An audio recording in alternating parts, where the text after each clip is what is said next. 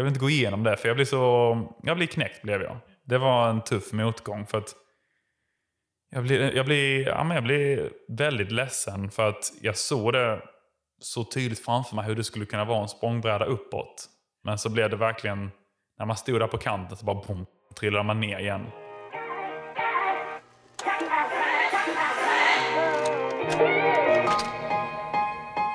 Varmt välkomna till Ung och driven. Podden där vi lyfter unga och drivna, inspirerar och motiverar. Jag heter Nadja Olsson. Och jag heter Katab Hamed. Nu kör vi!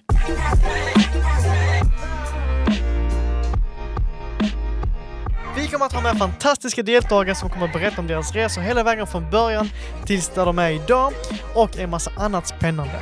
Och idag har vi med oss Douglas Nordenbelt. Douglas är idag trollkarl och startade sin karriär för redan 14 år sedan.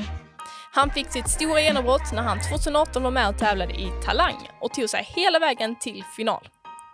Douglas har trollat för över 150 000 människor i över 10 olika länder, både på svenska och engelska. Varmt välkommen hit Douglas! Tack så hemskt mycket. Tack. Hur känns det att vara här? Det känns mysigt tycker jag. Mm, så. Det, det är kul, kul att prata om eh, vad vi nu ska prata om, men förhoppningsvis om, om mig. Det är alltid kul. Ja, Ja, precis. precis. Mm, podden heter ju Ung och driven Mm. och vi har bjudit in dig här idag för att vi tycker att du är ung och driven. Hur känns det? Känns det som att eh, Det, känns, det känns ärofyllt att eh, vara ung och driven. eh, Eftersom jag jobbat själv hela, hela, mitt, hela min trollerikarriär kan man säga, så, så känns det kul att få det lilla kvittot om att man är så fall driven och att man är ung fortfarande fast att jag är 27 år. Ja, men det är det, det Ja, tycker jag. Eller vad tycker tycker- du Nadia? det Är man ung jag när man är också. 27? ja, jag vill i alla fall känna mig ung när jag är 27. Precis. Känner du dig ung? Ja men det gör jag faktiskt. Ja. Om man jämför med de andra trollkarlarna som finns i det här landet. Så Mm. De börjar bli rätt gamla de andra. Eller hur? Jag, jag är bland de yngre eh, heltidstrollkarlarna så att, eh, där är jag i alla fall Ja, ung. det är super. Ja. super.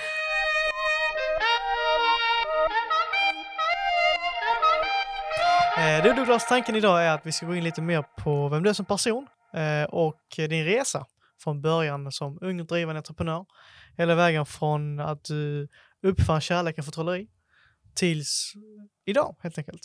Och, eh, så du får jättegärna berätta om vem du är som person och, och så. Ska vi ta det från, eh, från början med trolleriet, hur vi, hur vi kom in på det?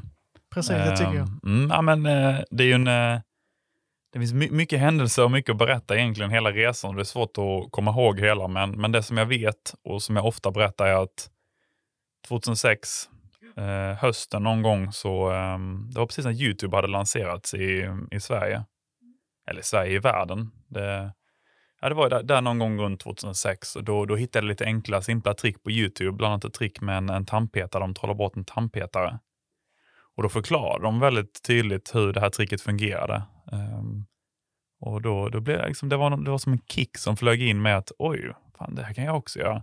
Så jag hämtade all den här rekvisitan som man behövde till det här tricket och så, så gjorde jag det själv framför spegeln. Jag och en polare satt tillsammans och kollade på det här. Och um, vi började söka på mer liknande saker. På den tiden så fanns det inte så här rekommenderade klipp på YouTube som det finns nu. För nu kommer det upp allting beroende på vad man tittar på. Tittar man ett klipp om en Apple Watch liksom, så har man 5000 sådana klipp framför sig sen. Ja, det brukar ju läggas vidare. Så att det är Ja, men då, då på den tiden fanns det inte. Så det var mycket, mycket svårare att hitta, hitta saker på YouTube. Eh, så då fick vi ta de här orden eh, som då hette reveal, tutorial, alla de här grejerna. Och tog Mm. vi och vred och vände på så hittade jag massa simpla trick från, från den vägen. Eh, så därifrån någonstans började med att jag lärde mig simpla trolleritrick som man kunde göra hemma med kortlekar, mynt och mm, alla sådana här grejer. Eh, och det, det var ju häftigt på något sätt för då, då kände jag att jag kunde någonting som inte så många andra kunde. Det, var ju, det är väldigt unikt med trolleri och det är ju på något sätt lite hemligt. Um, och därifrån så um, hittade jag lite forum på nätet om trolleri, började kommunicera och snacka trolleri med andra, lärde känna någon annan trollkarl som var ungefär samma, samma stadie som mig.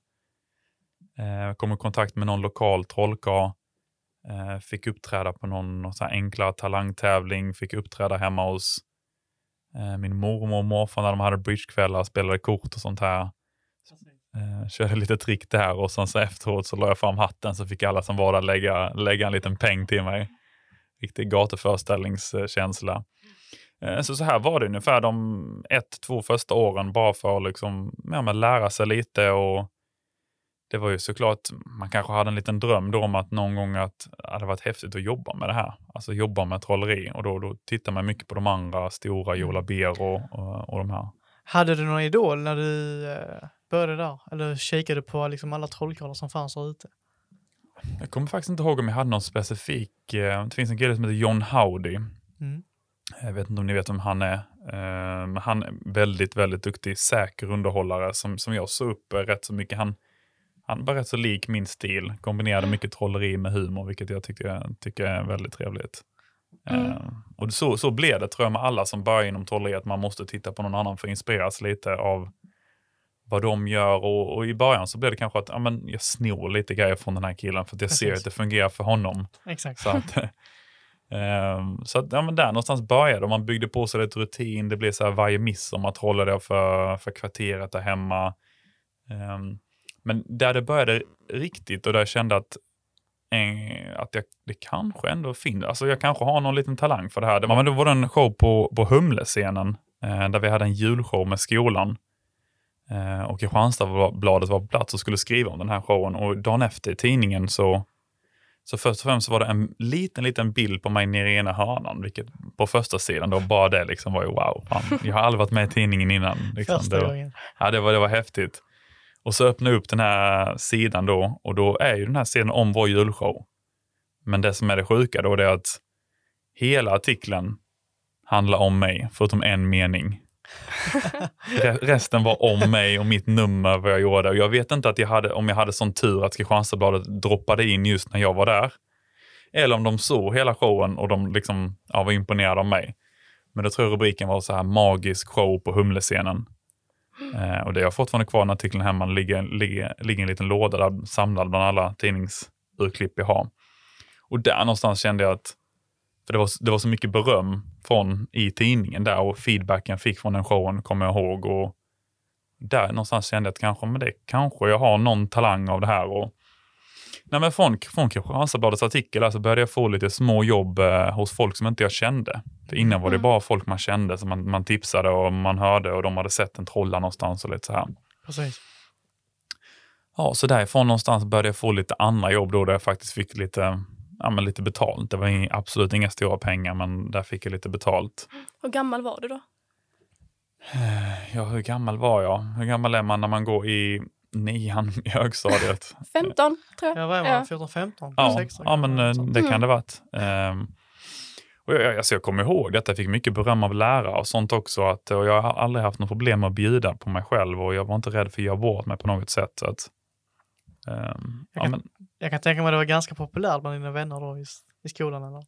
Ja, men det, ja, det var man ju. Alltså, det, det var ju häftigt i början, men sen så, som allt annat så dör det ju ut lite. Eh, alltså det, det var ju klart att eh, man, man var lite på. Det var faktiskt jag och en polare som jag sa innan som lärde oss lite trick tillsammans. Sen efter ett tag så försvann han. Han tyckte inte det var lika kul som jag. Mm. Mm.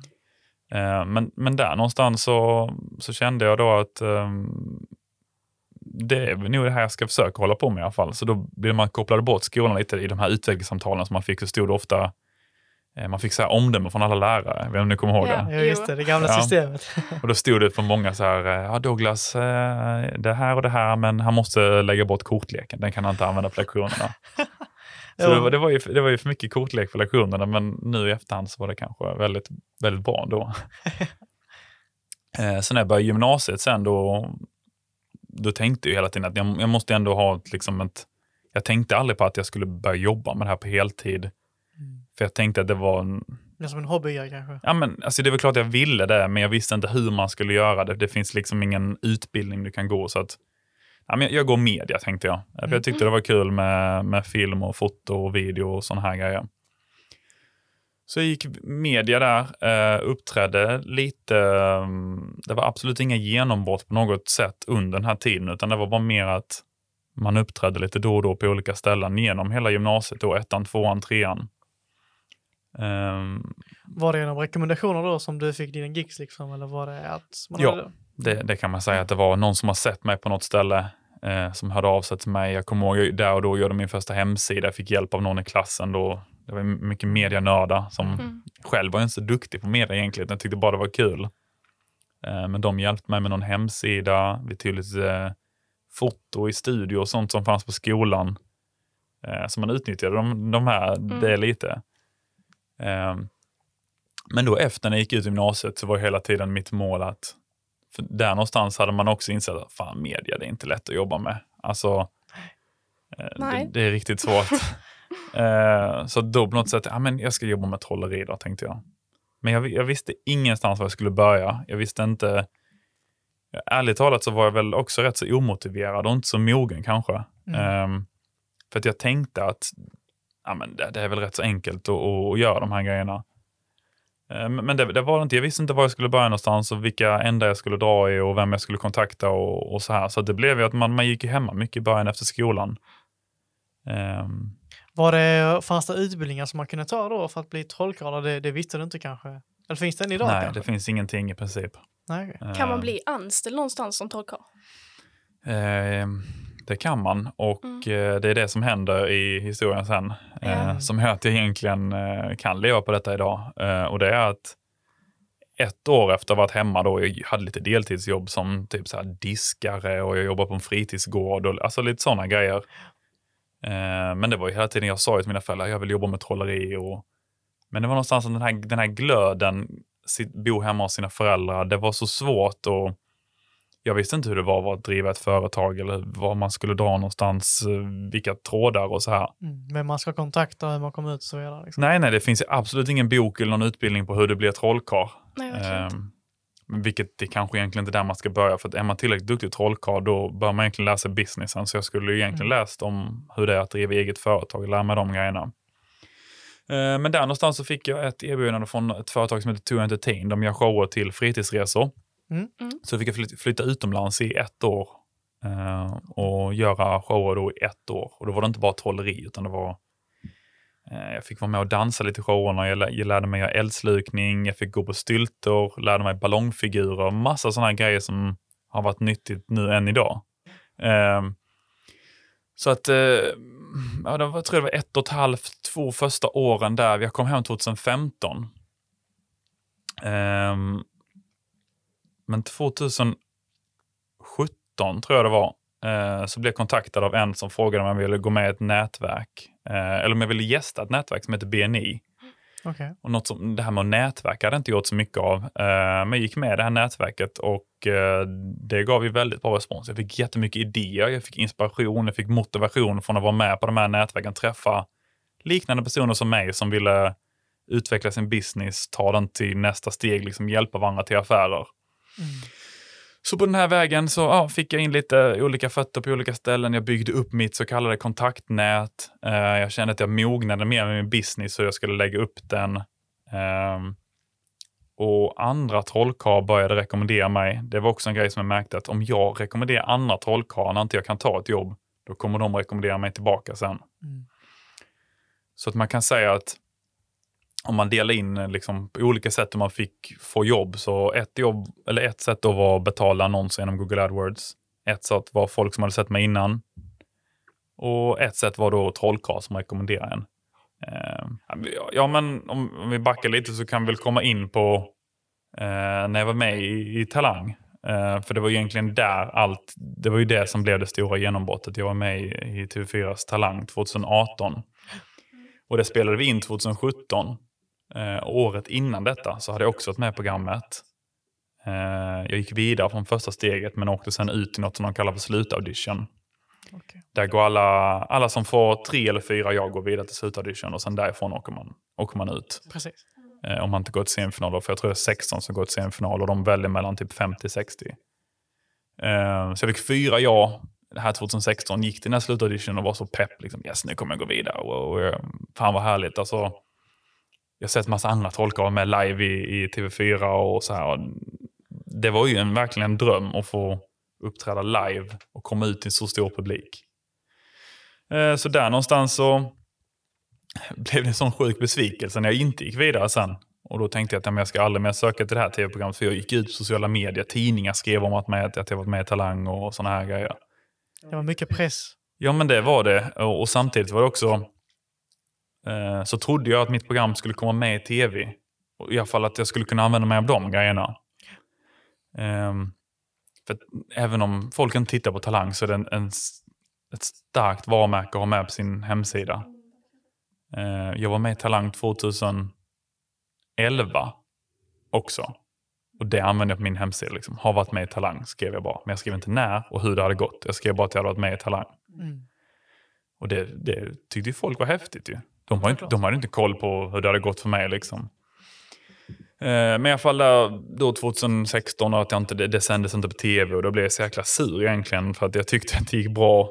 Eh, och så hörde de av sig igen och bara, men vi vill ha med dig igen och snälla, snälla. Och, och där någonstans så bara, nej fan jag ska inte vara med igen.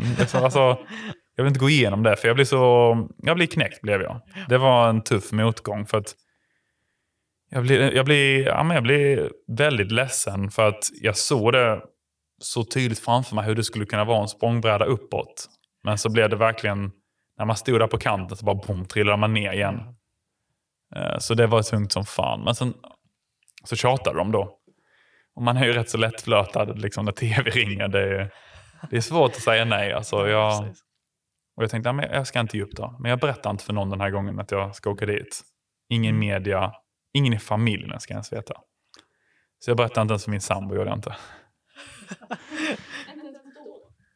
Nej, eh, när vi spelade in 2017, eh, hösten, så jag åkte upp och så sa jag till henne att jag skulle göra ett gig i Stockholm. Vilket jag skulle göra på lördagen i Stockholm, men vi åkte upp eh, på tisdagen. Åkte jag upp. Och så bodde jag som polare och han visste om det. Han visste om att jag skulle vara med, för att jag skulle sova hemma hos honom. Ehm, och så åkte upp och så gjorde jag framträdandet. Och så får jag tre ja och så får jag nej från Alexander Bard. Och då tänkte jag bara, vad fan alltså. Jag fick fyra ja förra året, gick inte vidare. Jag kommer inte gå vidare nu heller. Var han med då också, Alexander? Nej, eh, ja, han var med året innan och då sa han ja. Det gör han. eh, men de hade bytt ut eh, Kakan Hermansson mot Bianca Ingrosso. Och Bianca gav mig en stående ovation och hon var helt lyrisk och tyckte det var skitbra. Mm. Ehm, så där tänkte jag då, liksom, fan jag kommer inte gå vidare nu. Och då, jag, "Ja, men jag ringer hem och berättar nu. Så sa jag då, ringde jag till min sambo och berättade och så var jag så besviken. Och, eh, och när jag var med där året innan, då fick man beskedet dagen efter. Men den här gången så skulle man, behövde man vänta fem, fem dagar på att få det här beskedet. Och även fast jag tänkte hela tiden jag kommer inte gå vidare. Så är det klart man har en liten, liten förhoppning om, det att man, om att man ska gå vidare. Liksom. Och så kommer den här dagen då de ska höra av sig. Och då säger de att vi kommer höra av oss mellan ett och klockan sex på kvällen. Det är sjukt lång tid och man ska sitta och vänta en hel dag på att de ska höra av sig. Mm. Och när, ja, men jag var så inställd på att jag inte skulle gå vidare. Och sen så blir jag, ja, tiden går, tiden går, klockan blir över sex. Och då tänkte jag, ja, men, ja, det är kört. Så jag packade ner, liksom, för jag var ombytt, för man skulle ha de här kläderna på sig som man hade under sin audition. Så jag tog av mig de här grejerna. Och sen så ringer de från Fremantle Media och säger, du, juryn kommer ringa dig snart så du måste vara redo.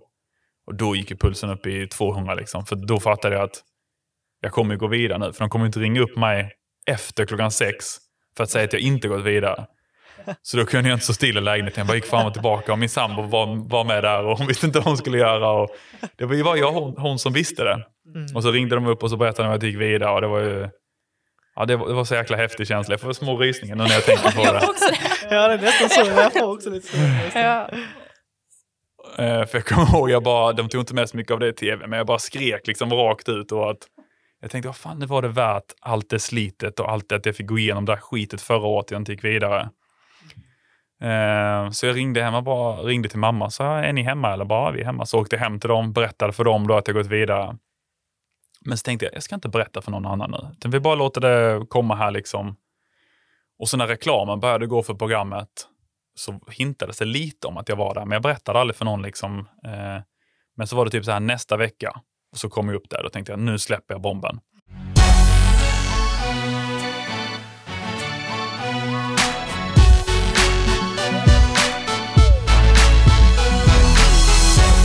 Då var det dags för lyssnarfrågor. Och vi har frågat våra lyssnare om de vill ställa lite frågor till dig. Eh, och vi har faktiskt fått in några stycken. Är du redo? Jag är redo. Första frågan. Är Talang likadant som det syns på tv? Eller har man typ ett manus man följer? Ja, det har ju varit mycket snack om det. Jag har sett en del på YouTube som har gjort videos om att Talang är fake. Mm. Eh, men det är det verkligen inte. Det jag skulle säga att det är rätt så, rätt så likt så som det ser ut på tv. Och det är klart att man använder sig av manus, alltså det är tv. Vilket tv-program använder sig inte av, av manus? Det, det är precis som Sveriges Mästerkock eller Bonde söker fru så har de ett manus där de jobbar in så att vissa personer ska säga specifika säga, grejer för att det ska bli bra tv. Liksom. Allting handlar om att det ska bli bra tv. Och om det är något som är mer uppstyrt än något annat så är det väl de här audition-numren som spelas in när det inte är live. Men allting som är live, Ja. det är absolut inget uh, fake på något sätt. Så är det många nummer som spelas in när det inte är live då? Ja, alla audition-nummer spelas in eh, i förhand. Spelas in typ fyra månader innan semifinalerna. Får man göra om om det blir, om det blir dåligt då? Nej, det får Nej. man inte göra. Utan allting är i ett liksom. Men skulle Mm. något nummer skita sig, då kommer ju inte det med i Nej. tv. Nej, precis. Det är väldigt många nummer som inte kommer med i tv. Också. Så bara att man får vara med i tv ska man vara glad över. Mm. Okej, nästa fråga. Favorittrick tillgängligt för konsumenter? Invisible deck. Jag vet inte riktigt om jag fattar den här frågan. Fattar du? Det är väl en, en, eh, en trollkarl som har skrivit frågan antar jag. Eh, Invisible Deck är ju ett eh, rätt så klassiskt trolleritrick. Eh, och jag, jag vet inte vad som, om, om frågan är specifikt för honom så um, ett trick som heter Any Card gillar jag väldigt mycket. Mm. Eh, det vet han ju om han är trollkarl vad det är för något. Då han säkert det. För jag har ingen aning. Nej, inte jag heller. Eh, vilket är svåraste tricket du någonsin genomfört? Mm, det är en bra fråga. Alltså, det finns mycket grejer som, som är svårt. Och, men det absolut svåraste skulle jag ändå säga det att göra en sån stor show som Odik i Kristianstad Mm. med så många olika grejer. I vanliga fall när jag gör ett gig så är det kanske mellan 35 och 40 minuter. Här var 2 gånger 50 körde vi här. Eh, Och där har verkligen alla kommit för att de vill se dig och de har betalat för att komma hit. Du vill inte, du vill inte fucka upp det liksom. Nej. Eh, Så att jag skulle säga hela den processen där och sen finns det vissa individuella trick där som är rätt så svåra. Jag körde den showen två gånger. Öppningstricket gick fel första showen. Eh, Det, det är ett riktigt svårt trick måste jag säga. Det, det är ett trick som bygger på att eh, fem personer i publiken får säga ett valfritt nummer mellan 1 och 100. De här numren som de har sagt finns sedan eh, i min plånbok printade på en lottokupong som är spelad sedan långt innan. Så att jag alltså vet att innan tricket börjar vad de faktiskt ska säga. Mm. Eh, och det var, det var något som misslyckades första, första showen. Så det, det är ett riktigt svårt trick. Jag har Mm. bara gjort det några få gånger. Men hur har du börjat showen med att misslyckas? Ja, det var tungt. Det var, det var jobbigt. Det sätter sig i bakhuvudet direkt. Liksom, för att man, ja, man, man går och tänker på det smått eh, hela tiden över de här små grejerna. Så att, ehm, nu gick den showen jättebra ändå, men vi räddade upp det här tricket lite senare i föreställningen. Och med vi så menar jag de som hjälpt till med lite behind the scenes och bakom kulisserna och så. Så att eh, det, vi räddade upp det, men det, att misslyckas med en sån grej i början, det, ja, det är jobbigt. Mm. Det tar på krafterna. Man har en uppförsbacke direkt från början liksom. Exakt. Eh, öppningstrick är alltid de svåraste tycker jag. Mm. Eh, för där ska du sätta tonen på hur din show ska vara. Om du... Jag vill gärna visa så snabbt som möjligt att jag kan trolla men också att jag är rolig. Mm. Och det, det är svårt i en kombination för det får inte bli för larvigt för, eh, och det får inte bli för seriöst heller. Alltså det, ja, det är jättesvårt. Okej, sista frågan. Mm. Vad hade du gjort om du inte var trollkarl?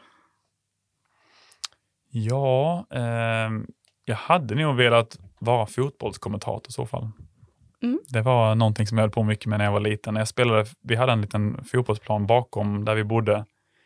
Där jag sprang runt och spelade med mig själv och kommenterade vad jag gjorde hela tiden. Så jag sprang runt och nu så passar han till han och så får jag bollen och så skjuter jag i mål. Och så, alltså det, många grannar som pratade om detta när jag var liten, att de hade hört mig springa runt och kommentera mig själv. Eh, Så att, eh, ja, men det, ja, jag gillar fotboll väldigt mycket, så att, eh, speciellt svensk fotboll är någonting som jag tycker är kul. Så att, Ja. jobb, jobba inom fotboll tror jag hade velat göra någonting om. Mm. Men sen vad vet jag inte. Du nämnde att Mjällby var ditt favoritlag här i Sverige. Har du något utanför Sverige? Nej, det har jag inte. Okej. Support your local football in team. i Liksom. Det, Ja, men det är det viktiga. Liksom. Jag supportrar um, det som jag kan komma nära på något sätt. Jag känner, det är klart jag kan uppskatta att kolla på utländsk fotboll. Men jag känner liksom inte den här äktheten och närheten som jag känner till Mjällby. Mm. Jag vet vilka alla spelarna är. Skulle jag träffa dem på stan så kan jag snacka och hälsa med dem. jag vet vilka som jobbar inom klubben och, och så här. Det, det finns en connection och eh, jag har gjort mycket ideella grejer och sånt för dem och hjälpt dem genom åren för att jag, jag brinner så mycket för, för klubben.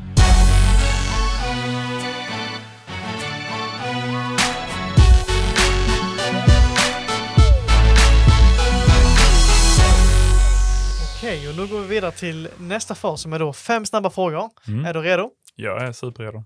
Härligt, då kör vi. Okej Douglas, morgon eller kväll? Kväll, Hemmakväll eller utekväll? hemmakväll, Sommar eller vinter? sommar, Classy eller casual?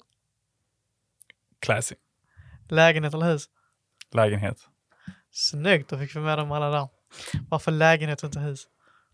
Eh, det är en bra fråga, men jag har bott i lägenhet nu i fem år. Jag trivs bra i det. Mm. Eh, slippa en stor tomt som man måste ha hand om och alla de här grejerna. Klippa gräset och allt det där. Ja, precis. Det känns som att eh, det är inte, det kanske blir i framtiden någonting för mig, men just nu är det ingenting för mig. Så jag, jag sitter hellre med, med kortleken framför datorn då och tränar på någonting.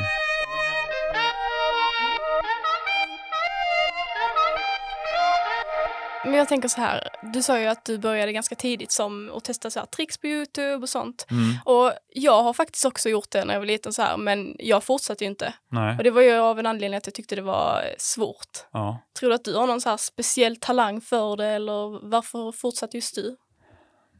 Nej, det är må många som har ångrat det också. Jag, jag, jag vet faktiskt inte va varför. Ehm, men jag tror att det kan vara för att jag kanske inte var lika duktig på fotboll som alla andra. Jag var inte lika duktig på handboll. Eh, och så tyckte jag att det var sjukt roligt med. Eh, och att man fick de här lilla kickarna av att lura folk eller att jag kan något som ingen annan kan.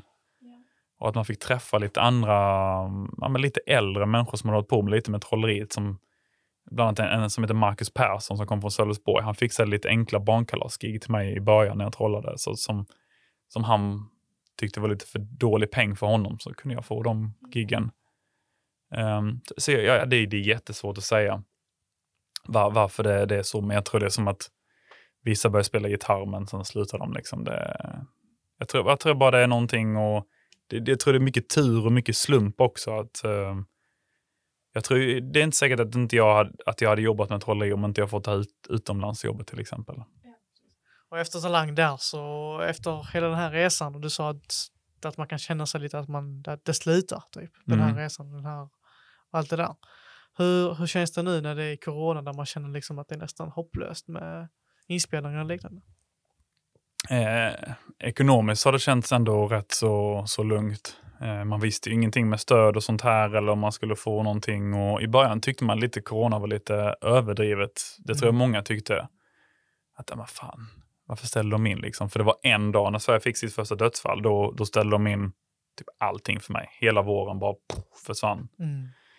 Och då, då insåg jag att ja, okej, men den här våren kommer inte bli någonting. Men till hösten, då, ja, då kör vi. Mm. Men sen så började de ställa in grejer till hösten också. Eh, så det, det, var, det var också jobbigt. eh, inte, inte som jag sa ekonomiskt, men psykiskt så var det, man, man funderar så jäkla mycket på Jaha, när kommer det börja bli som vanligt? Kommer det någonsin att bli som vanligt? När kommer jag börja kunna jobba kontinuerligt? Om jag gör det här projektet nu, när skulle jag då kunna få för mig att använda det? Om jag tränar på det här tricket nu, när kommer jag kunna trolla med det tricket. Eh, så att, ja, men jag har väl försökt lite, nu har jag marknadsfört mig lite med ett koncept som heter Corona Magic. Eh, och det är väl en coronasäker show för upp till 50 personer då. Mm. Rätt så lik min vanliga show, men lite anpassad för att vara säker i de här tiderna. Och det är en, en del som har nappat lite på det. Eh, Så det, man får anpassa sig till situationen och skulle det bli så här ett tag framöver så har jag lite planer på vad, vad jag ska göra. Men samtidigt så tycker jag för där, där i våras så tänkte jag att ja, men fan vad skönt på ett sätt. Liksom, att inte, nu hinner jag göra alla de här grejerna som ligger här i mina anteckningar som jag inte har. Jag menar att göra om min hemsida, det kan ta rätt så lång tid. Och så blir det lätt att man börjar lite och sen är det har man två gig och sen så ja, flyter det iväg lite. Mm. Men nu så tänkte jag, ja, men nu ska jag sätta mig och göra de här grejerna. Så nu, nu är planen liksom då, jag, jag, jag fixar om min hemsida om den, men eh, höstens projekt är nu då att göra en, en ny showreel. Så, Okej. mm. Mm. så att man har lite sådana projekt som man vet att eh, förbättra en när det alltid blir som vanligt. Så att man är ännu mer redo än vad de andra kanske Så man får försöka se det från den ljusa sidan och utbilda sig så mycket som möjligt. Läsa böcker om trolleri och sånt. Mm. Är det också det som är sättet för dig till att hålla dig liksom motiverad trots att du känner att ah, när det är jobbigt, när det är tråkigt och liksom det är piss? Ja, det går ju både upp och ner vissa dagar. Eh, vissa dagar så tycker man verkligen att det, att eh, det är piss. Eh, men det tror jag också är mycket gör med att man är, man är själv, att man har någon att bolla med, att det är ingen som riktigt peppar en. Det är Ja, bara det. jag själv som måste hela tiden vara peppad. Mm. Och det tar mycket på krafterna. Ja, det är klart. Och det, jag är rätt så mycket kvällsmänniska, så jag tänker ofta på kvällen, "Nej, men imorgon, då jävlar ska vi göra det här och det här och det här. Och så vaknar man och så bara... Så tar det till klockan ett innan man har gjort första grejen som man ska, ska göra egentligen. Ehm, så att, ja, det, ja, det, det är svårt. Men, men jag tror, jag, nu har jag börjat få in lite jobb igen här nu i oktober. Jag tror jag har sex, sju gig. Mm. Så att eh, det känns tryggt och det är inga så här, eftersom, att, att, eftersom det aldrig är mer än 50 personer så är det rätt så lättsamma gig alla. Det är rätt så tacksamma gig att göra som inte kräver så mycket förberedelse.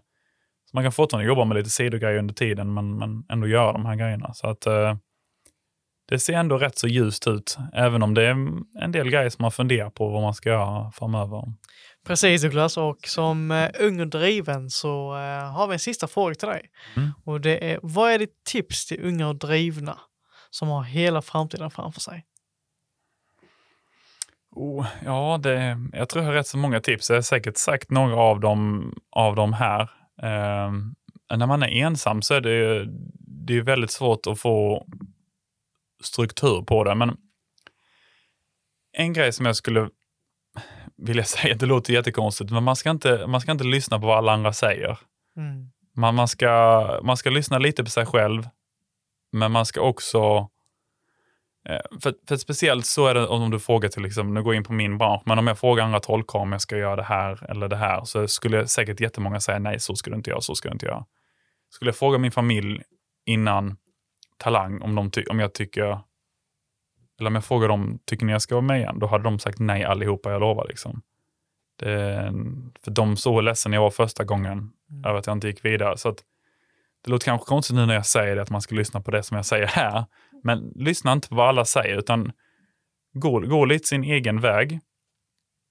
Men samtidigt heller ska man inte bara lyssna på sin egen väg, för att man ska också se och lära från de som är bättre än en själv just nu.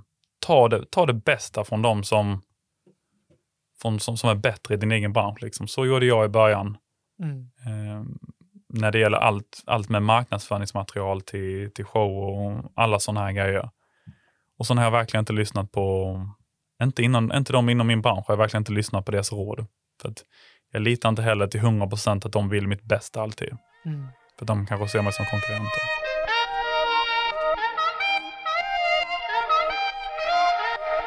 Okej Douglas, tack så hemskt mycket för att du har varit här idag. Tack själv. Vi är supertacksamma för dina råd och tips och hela din historia. Det har varit jättekul att lyssna på. Jättekul att vara med. Tack så mycket.